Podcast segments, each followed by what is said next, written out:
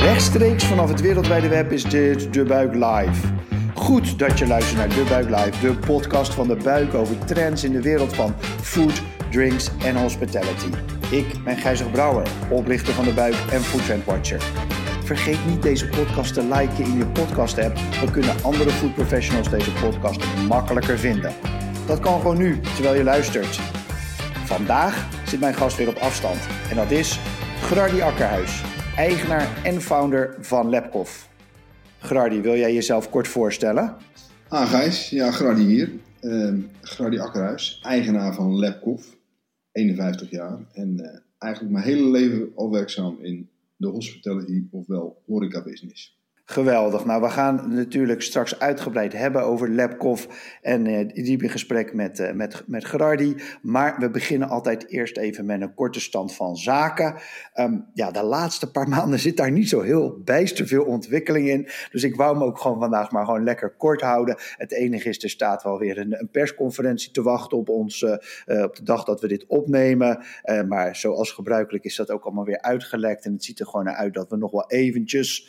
Um, nou ja, de, de horeca van, uh, vanuit de takeaway en de to-go moeten benaderen. En uh, dat binnenzitten nog even gaat, uh, gaat duren. Um, ja, de Koninklijke Horeca Nederland neemt het, ja, laat het niet meer over zich heen komen, wil de staat voor de, voor de rechter slepen. Dus het wordt allemaal wat fanatieker en wat, wat harder. Um, ja, mijn persoonlijke mening, er zal niet zo heel veel veranderen, maar het is wel goed om aan te geven van jongens, het wordt tijd dat er, dat er weer wat gaat veranderen. Nou, of dat gaat lukken, zullen we gaan merken. Um, in ieder geval waar we het vandaag vooral over gaan hebben, denk ik, is, uh, is over wat de afgelopen jaar uh, is gebeurd bij, uh, bij Grardi en bij Lepkov. En ook zeker hoe het nu gaat natuurlijk en hoe hij naar de toekomst kijkt. Um, ja, de Gerardi stelde zich heel kort voor. Hij had het over Lepkov. Nou, als je het over Lepkov hebt, dan moet je denk ik wel in de Randstad wonen om de, om de zaak te kennen. Zes vestigingen, vooral dicht bij, ja, noem het maar high traffic. Hè, dus dicht bij stations liggen ze over het algemeen twee Amsterdam, Leiden, Den Haag, Utrecht, Rotterdam. Uit mijn hoofd, hè, Gerardi. Um, yes. En de laatste aanwinst ja, was, uh, was Utrecht. En uh, daar nam hij een pret à manger over. En dat moet volgens mij heel goed gevoeld hebben. Um, Gerardi zelf is, um, ja. ja. hij zei net al 51 jaar na zijn, na zijn opleiding in de, bij, de, bij Heineken terechtgekomen. Daar heeft hij een soort van, denk ik, ongeveer 10 jaar rondgewandeld in allerlei functies. En toen nam hij uh, de laptop in Leiden over. En dat heeft hij, ja, ik zou zeggen bijna zeggen voorzichtig, maar gestaag uitgebouwd. Dus stap voor stap, um, nooit iets, uh, iets te overhaast gedaan, maar wel dus elke paar jaar kwam er weer één bij. En ondertussen, ja, imperium is een groot woord, maar zes zaken op zes van zulke locaties toch wel, toch wel indrukwekkend. Zelf zou ik het uh, in eerste instantie een koffiezaak noemen, maar je zou, ja, daarom is pret misschien wel een goede vergelijking. In een soort van koffie- en broodjeszaak is het. Je komt er niet alleen maar om wat te drinken, maar ook om wat te eten. Um, Gerardi, jij zei net uh, uh, tegen mij net voor de uitzending, ik ben, ik ben de eigenaar en de founder. Wat is jouw rol bij, uh, ja, nog steeds denk ik, hè, bij, bij Labcoff Sons? ja, ik, ik, ben de eigenaar en ik, ik geef dus leiding aan dit bedrijf. ik vind het altijd een lastig woord, directeur, CEO. maar goed, ik, ik, run, ik run die zaak. Uh, en ik uh, doe dat met. Uh, het is steeds meer een family business geworden over de jaren. Dus er zitten bedrijfsleiders op elke vestiging. En daarnaast mijn meisje die doet gewoon lekker de financiële administratie. En ik heb een dochter die, die runt de operatie. dus die is verantwoordelijk voor allerlei systemen. En dat gaat over data-analyses en dat gaat over inkoopsystemen en uh, kassasystemen. Dus uh, met elkaar uh, runnen we dit bedrijf en ik ben daarin de eindverantwoordelijke en ik zorg dat we Labkoff iedere dag beter maken en aan de gang houden.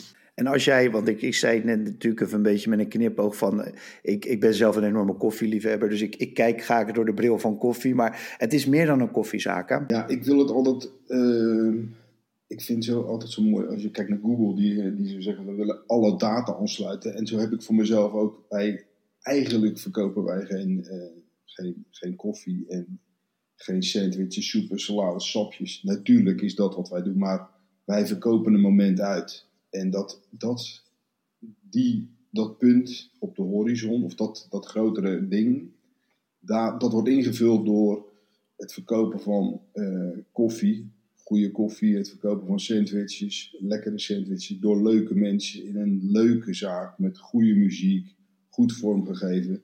Dus dat totaalpakket maakt dat je het moment uitverkoopt. Want ik ben ervan overtuigd dat mensen niet komen omdat ze dorst hebben of honger, maar dat ze, dat ze op zoek zijn naar meer dan dat.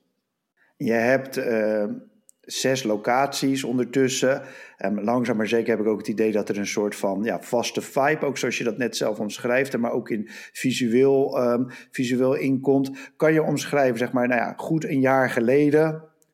En misschien hadden we er net een beetje van gehoord van het virus, maar hoe was de situatie toen bij jou? Ik had toen net één week uh, Labcoff Utrecht open.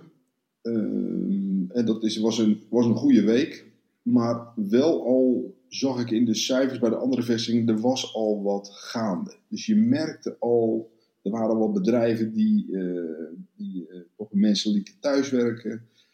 Uh, je, je merkte gaandeweg dat er iets begon te ontstaan.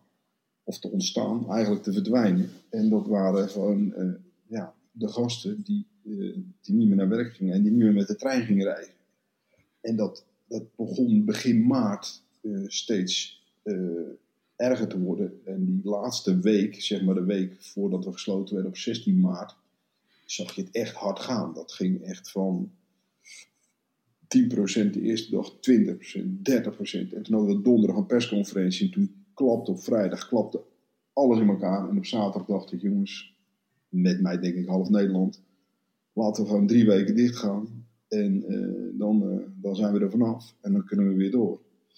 Toen kwam of gelukkig, uh, zondag het bericht dat alle horeca dicht moest. Dus toen dacht ik echt van goed, nu gaan we even dat virus uh, goed onder controle krijgen. Maar dat duurde iets langer. je zou zeggen, je staat er uh, behoorlijk lastig op dan. Want je zit op die, heel vaak op of naast stations. Ja. je, bent, je bent echt afhankelijk van, van, ook wel van voorbijgaand traffic, zoals ze het dan noemen. Um, hoe heb jij vorig jaar zeg maar, beleefd? Wat is, wat is je eraan bijgebleven? En ook hoe heb je, je erin, heb je jezelf in ondernomen? Ik noem het een leerzaam jaar. Het is een beetje een dure cursus, want het kost echt bakken met geld. Maar ik vind het aan de andere kant ook fascinerend wat er gebeurt met mezelf en met mijn bedrijven, met de samenleving. In het begin ging, gingen we dicht. Um, en dan uh, na een paar weken dan begint het toch te kriebelen. Weet je, iedereen, iedereen zat echt Weet je, als je buiten ging wandelen en er kwamen mensen langs je lopen, dan stapte je nog opzij. En we wisten allemaal niet waar het heen ging. Maar na een paar weken dacht ik toch van, ja, ik, ik moet iets doen, weet je. Ik, ik kan hier niet thuis zitten. Ik moet uh, de boel op gaan knappen, we moeten schoon gaan maken, we moeten aan de gang. En natuurlijk uh, deden we dat ook.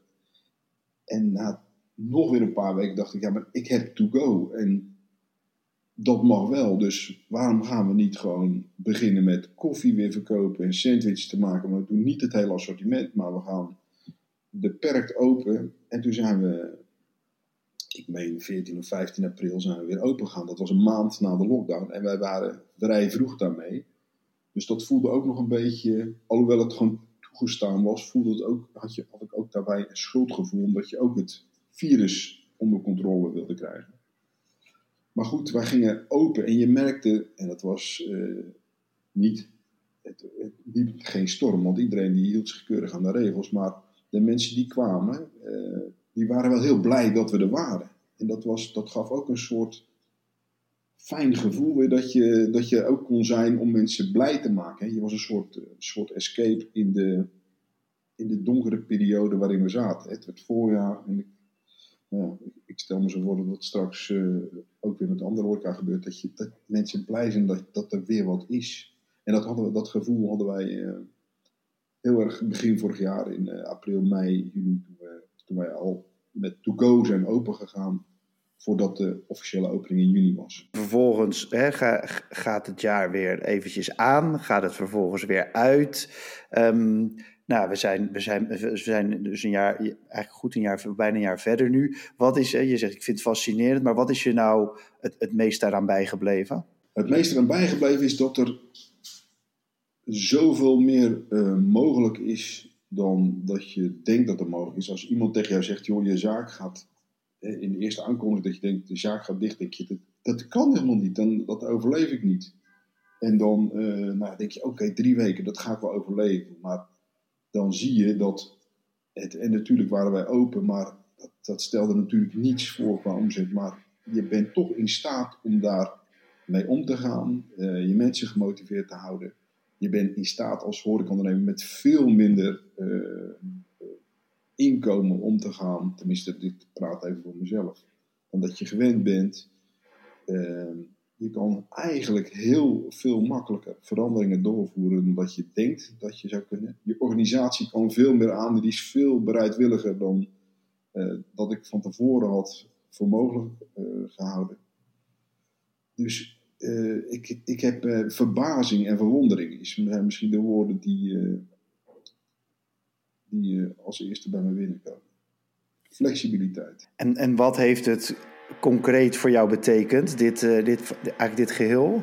Uh, dat, er, dat er vrij snel uh, initiatieven kwamen, systemen ontstonden. Wij, wij hebben gelijk een, een, een, een voorraadsysteem voor alle laptops aangebracht, waarin de voorraad van alle laptops te zien was. Dus we gingen zo min mogelijk geld uitgeven, want cash is wel king altijd. Dus we gingen met elkaar afstemmen uh, wie waar wat heeft. En Grady ging lekker in zijn autootje uh, dingetjes brengen van de ene laptop naar de andere. Om gewoon uh, maar geen cash uit te geven. Dus, dus alle centjes die er binnenkwamen, die konden we weer gebruiken voor, voor allerlei dingen. Ehm, als ik een jaar geleden tegen mijn bedrijfsleiders had gezegd: Jongens, ik heb hier drie tablets van Uber, Deliveroo en Thuisbezorgd. En die komen in de keuken te staan en die gaan piepen. En als die gaan piepen, dan, komt er een, dan moet je die bestelling maken. En dan komt er een rider en die moet die bestelling wegbrengen. Dan hadden ze me gelyncht. Want nou ja, je kent Laptop een beetje in terecht uh, high traffic locaties. Dat is, daar is het gewoon knijten druk normaal. Die, die, die, had ik, die tablets had ik er nooit in gekregen. En die van de een op de andere dag waren die uh, een onderdeel van de Lepkov, uh, ja, van, van, van het proces. En dat, dat zonder hort of stoten.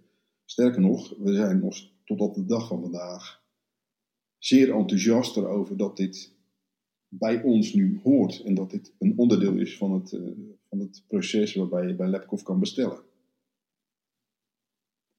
Dus ja, dat zijn, dat zijn echt de de dingen die, uh, die, die ik anders niet voor mogelijk had gehad. Jij zei net, um, mijn gasten waren blij dat, het weer, hè, dat, dat we weer open gingen, dat we er weer waren.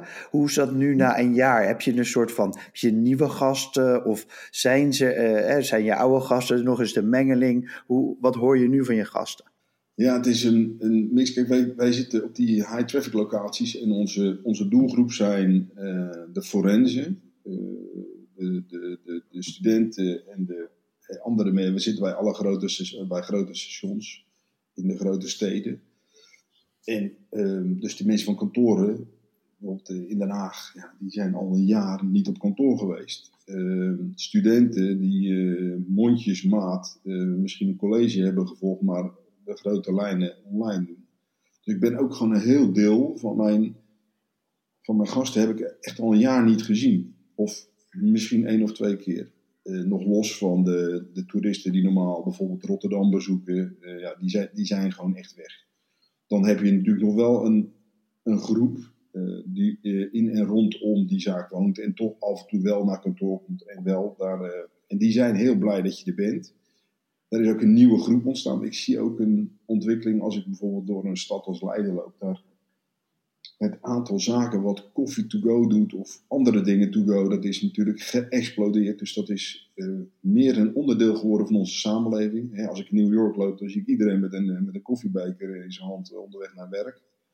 Ik, uh, van het weekend in Noordelijk over het strand. Daar kom ik gewoon 10, 20 mensen tegen die met een koffiebekertje van een strandtent over het strand aan het wandelen dat zijn dingen die, die, die worden meer geïmplementeerd. En die mensen, dus ik heb een nieuwe, meer, meer mensen gekregen die, daar, die dat omarmd hebben. Die het, uh, die nu als een uitje zien en die rijden dan, of die komen, of die lopen, of die fietsen even naar Lepkoff om een koffie te halen. En die deden dat anders niet, of minder. Nee, jij werkt natuurlijk uh, met veel Nou, je koopt in, je koopt je koffie in, je brood, ja, al je producten.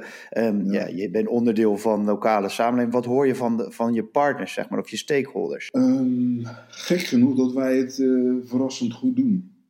Uh, en verrassend goed is dan, kijk, ik ga me natuurlijk niet vergelijken met een, uh, met een feestcafé, want die, is, die, is, die, die staat natuurlijk op nul. Maar vergelijkbare zaken in de samenleving daar doen wij ten opzichte van zeer goed. En ik zie het ook, want wij, haalden, wij halen nu nog steeds soms boven de 50% van de omzet. En dat is natuurlijk een deel van de omzet die bij Uber en Deliveroo eh, vandaan komt. Daar zit dus niet alle marge op die, uh, die je normaal wel hebt. Dus het is uh, omzettechnisch zit je, uh, doe je het echt, echt gewoon wel goed. rendementstechnisch is dat iets, iets anders, maar ja, ik de reacties die ik krijg en wat ik ook lees, bijvoorbeeld als ik zelf lees naar wat, wat afgelopen jaar heeft gedaan, die iets van 20% van zijn omzet deed. En ik vergelijk mezelf niet helemaal met Laplace, maar daar zit wel een groot deel vergelijking in. Dan denk ik dat wij dat, uh, dat goed doen als we daar uh, meer dan 50% van de omzet halen. Ja, je zei net, um, er is iemand met data bezig, die zit alle systemen in elkaar, inkoop. Uh, dus je hebt zes zaken op zes verschillende plekken. Dus het is natuurlijk ook van belang, gewoon die, die digitalisering. Eh, heeft, heeft, heeft corona daar nog impact op gehad? Of is dat, een, is dat een soort stroomversnelling? Of juist. Ja. Nee, dat is een absolute stroomversnelling. Want eh, ook daar weer, eh, omdat je cash wilt, uh, wilt, leidend wil laten zijn, ga je dus nu prognoses maken. Ik ga een voorbeeld geven met koffie. Uh, dat we we vroeger, weet je, dat, dat was een vaste stroom en dan konden we gewoon, eh, weet je, dan bestelden we gewoon, uh, uh, de branderij en dan, dan, dan kwam op, ik zeg niet zeggen op gevoel, maar dat was een soort ijzeren voorraadsysteem plus min. En nu gaan we nog scherper, nu, nu prognosticeren we het aantal verkochte koffie voor de komende week en op basis daarvan doen we inkopen. Dus we, dus we kijken heel erg naar wat er verkocht is dan, dan bereken je wijze spreken het grammage koffie wat je verbruikt. En op basis daarvan uh, ga, je, ga je inkopen doen. Dat, maakt de inkoop veel scherper. En dan zou je zeggen, ja, waar gaat het over? Maar op dit moment gaat het uh, om tientjes, om honderden en uiteindelijk om duizenden euro's die ik niet vastzet in voorraden. En die kan gebruiken voor andere dingen en die me ook mijn risico beperken. Dat als er weer wat gebeurt, dat ik dat ik nog meer, uh, nog meer cash tot mijn beschikking heb dan dat ik al had. Dus dat soort, en, en wat ik ook zei, die voorraad delen met elkaar. Dus voor mijn vestigingen, dat, dat, dat ik dingen afstem en uh, efficiënter. Dus er wordt, uh, die, die systemen maken dat we veel efficiënter en straks ook veel rendabeler zijn dan dat we waren. Ja, dat is iets wat je mee uit, uit de crisis straks uh, meeneemt als je weer aan de slag mag. Hoe ziet zo'n, het is een soort van business intelligence of, of restaurant tech, wordt het ook wel eens genoemd. Hoe ziet dat er bij jou uit? Kan je daar iets over vertellen? Mijn basis is, uh, ik, ik heb een aantal systemen. Ik heb, mijn basis is mijn kassasysteem waar heel veel data in zit. Uh, die zit weer gekoppeld aan een personeelsinformatiesysteem. dus daarin weten wij bijvoorbeeld de omzet eh, die er gemaakt wordt per uur per medewerker. Eh, en die wordt eh, geoptimaliseerd. Maar aan dat kassasysteem zit ook een inkoop, een, een waar al onze recepten tot op de gram staan. Die zijn weer gekoppeld aan mijn groothandel. Die daar, die, die worden dagelijks, de, of tenminste dat kan, wij moeten die cijfers ophalen worden de prijzen opgehaald. Dus ik zie heel snel wanneer een recept eigenlijk niet meer uh, rendabel is. En uh, ja, ik, het gaat straks verder. Je hebt allemaal die Power BI-achtige systemen waarin je, en daar, daar is mijn kassenleverancier nu ook mee bezig. En daar wil ik naartoe nu, toen dat een beetje met Excel zelf uh, in elkaar zetten. en dat is mooi. Ik heb ook allemaal mensen, je hebt allemaal mensen waar je werken die bijvoorbeeld uh, die informatica studeren, dat soort systemen. Dus die hebben geholpen om van die dingen in, uh, hebben in Google Drive hebben dat allemaal opgezet. Maar straks wordt het echt een Power BI systeem die gaat gewoon zeggen: oké, morgen wordt het 27 graden en het is geen vakantie. We verwachten zoveel reizigers op dit station.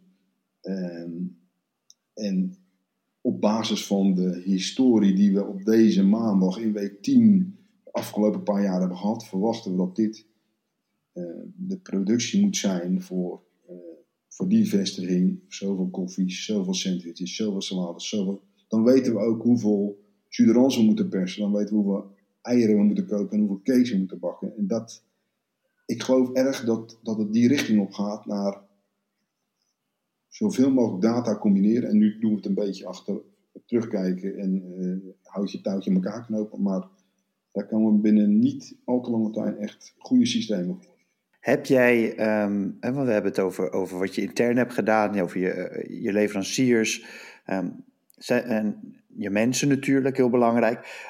Zijn er nou nog dingen die wij niet zouden kunnen zien die je ook opgepakt hebt? Misschien uh, voor richting de gemeentes of zo waar je bezig was. Of nou, een beetje achter de schermen-achtige dingen die, uh, die misschien ook wel heel erg belangrijk geweest zijn. Ja, goed, daar heb ik natuurlijk nu net al een aantal van genoemd. Dat is echt die, die efficiëntieslag. Maar wat ik, waar ik heel veel mee bezig ben geweest, is communicatie.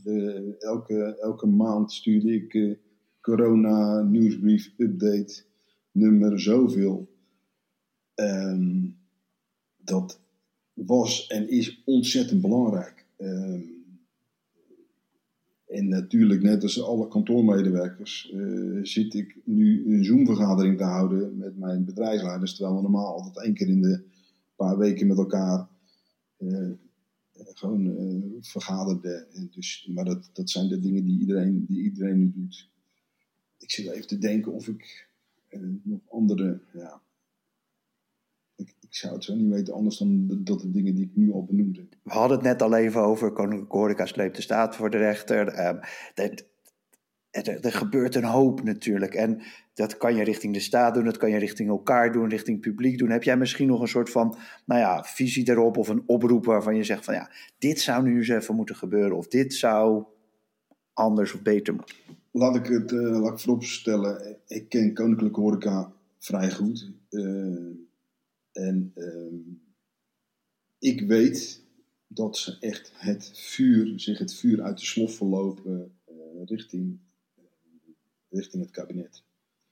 Ehm, dat is echt, daar zit heel veel tijd en energie in.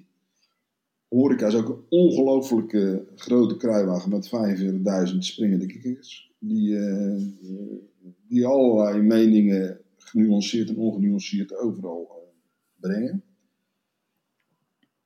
Um, ik denk dat het goed is dat, dat kijk, of, of je daar een rechtszaak aan moet wijden, weet ik niet.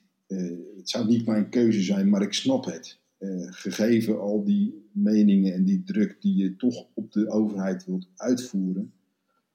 Maar er zitten best een paar dingen in. Uh, terrassen bijvoorbeeld.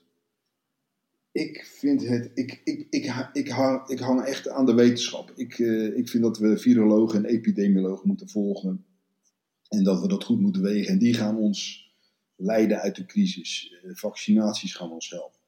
En dat zal echt wel tot mei duren voordat we weer een beetje in beweging komen. Maar we kunnen best wel goed, tenminste, terrassen vind ik een mooi voorbeeld daarin.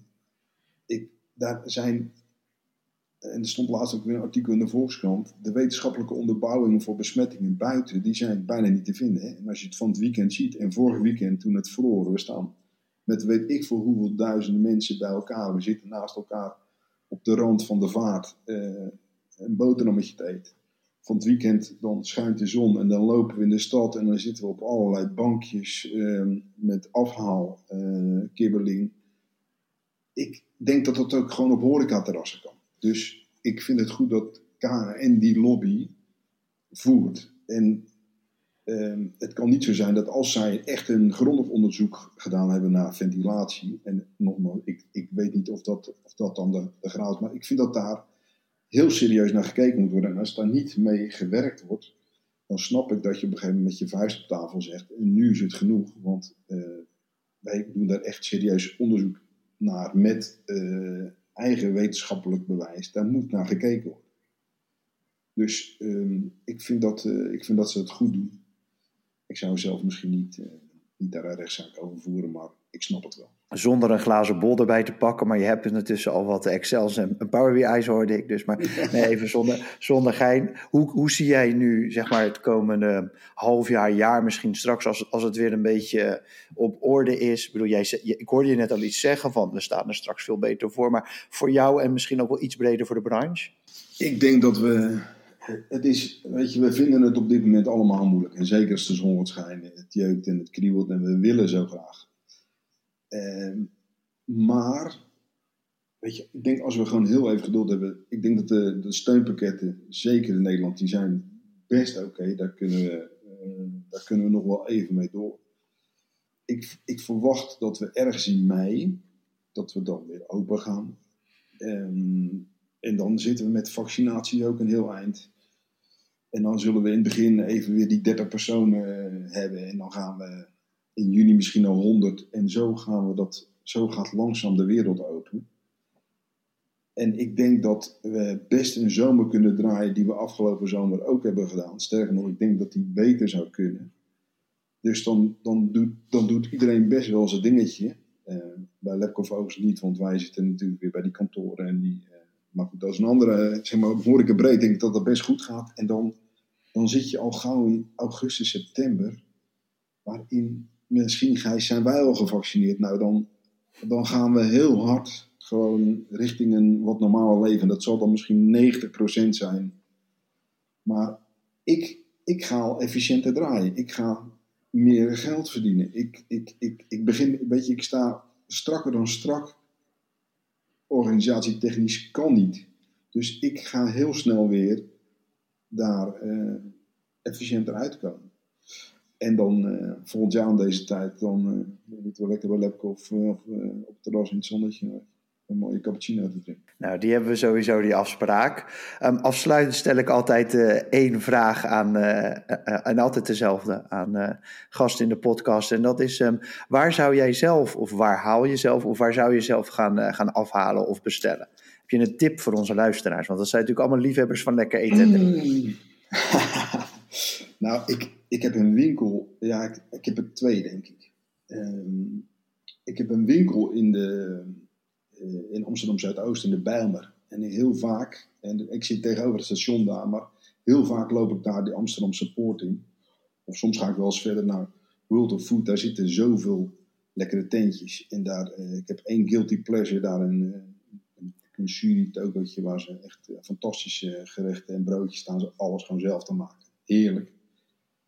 En een andere is, en die staat op mijn wishlist, dat is, um, ja, dat is Toko Circo van Circo Bakker en uh, Sergio Herman. Die, uh, die, die rijsttafel, die, die wil ik bestellen. Die, dat lijkt me fantastisch dat klinkt ook wel geweldig. Ik moet eerlijk zeggen, ik ben inderdaad vorig jaar bij hem, of anderhalf jaar geleden alweer, het gaat zo snel, bij ja. uh, zijn zaken ook in uh, Katzand geweest. Uh, dat was wel echt geweldig. Dus die, die, die staat ook op mijn verlanglijstje. Um, Grardi, mag ik jou hartelijk bedanken voor de aanwezigheid in de podcast. Zeker, Gijs. Leuk om te doen. Mooi dat je dit doet. Dit was De Buik Live, de podcast van De Buik over trends in de wereld van food, drinks en hospitality. Dank nogmaals aan mijn gast Grardi. Ik ben Gijzer Brouwer en ik wil je nog één ding vragen. Als je het een leuke podcast vond, wil je hem dan doorsturen naar iemand anders of liken in je podcast app? Dat kan je nu direct doen, terwijl je nog luistert. Dan help je andere liefhebbers van food, drinks en hospitality deze podcast makkelijker te vinden. Heb jij nog onderwerpen waar we het over moeten hebben of gasten die moeten aanschuiven? Laat het ons vooral weten in de comments of stuur me een berichtje. Dank voor het luisteren en tot de volgende aflevering. Cheers!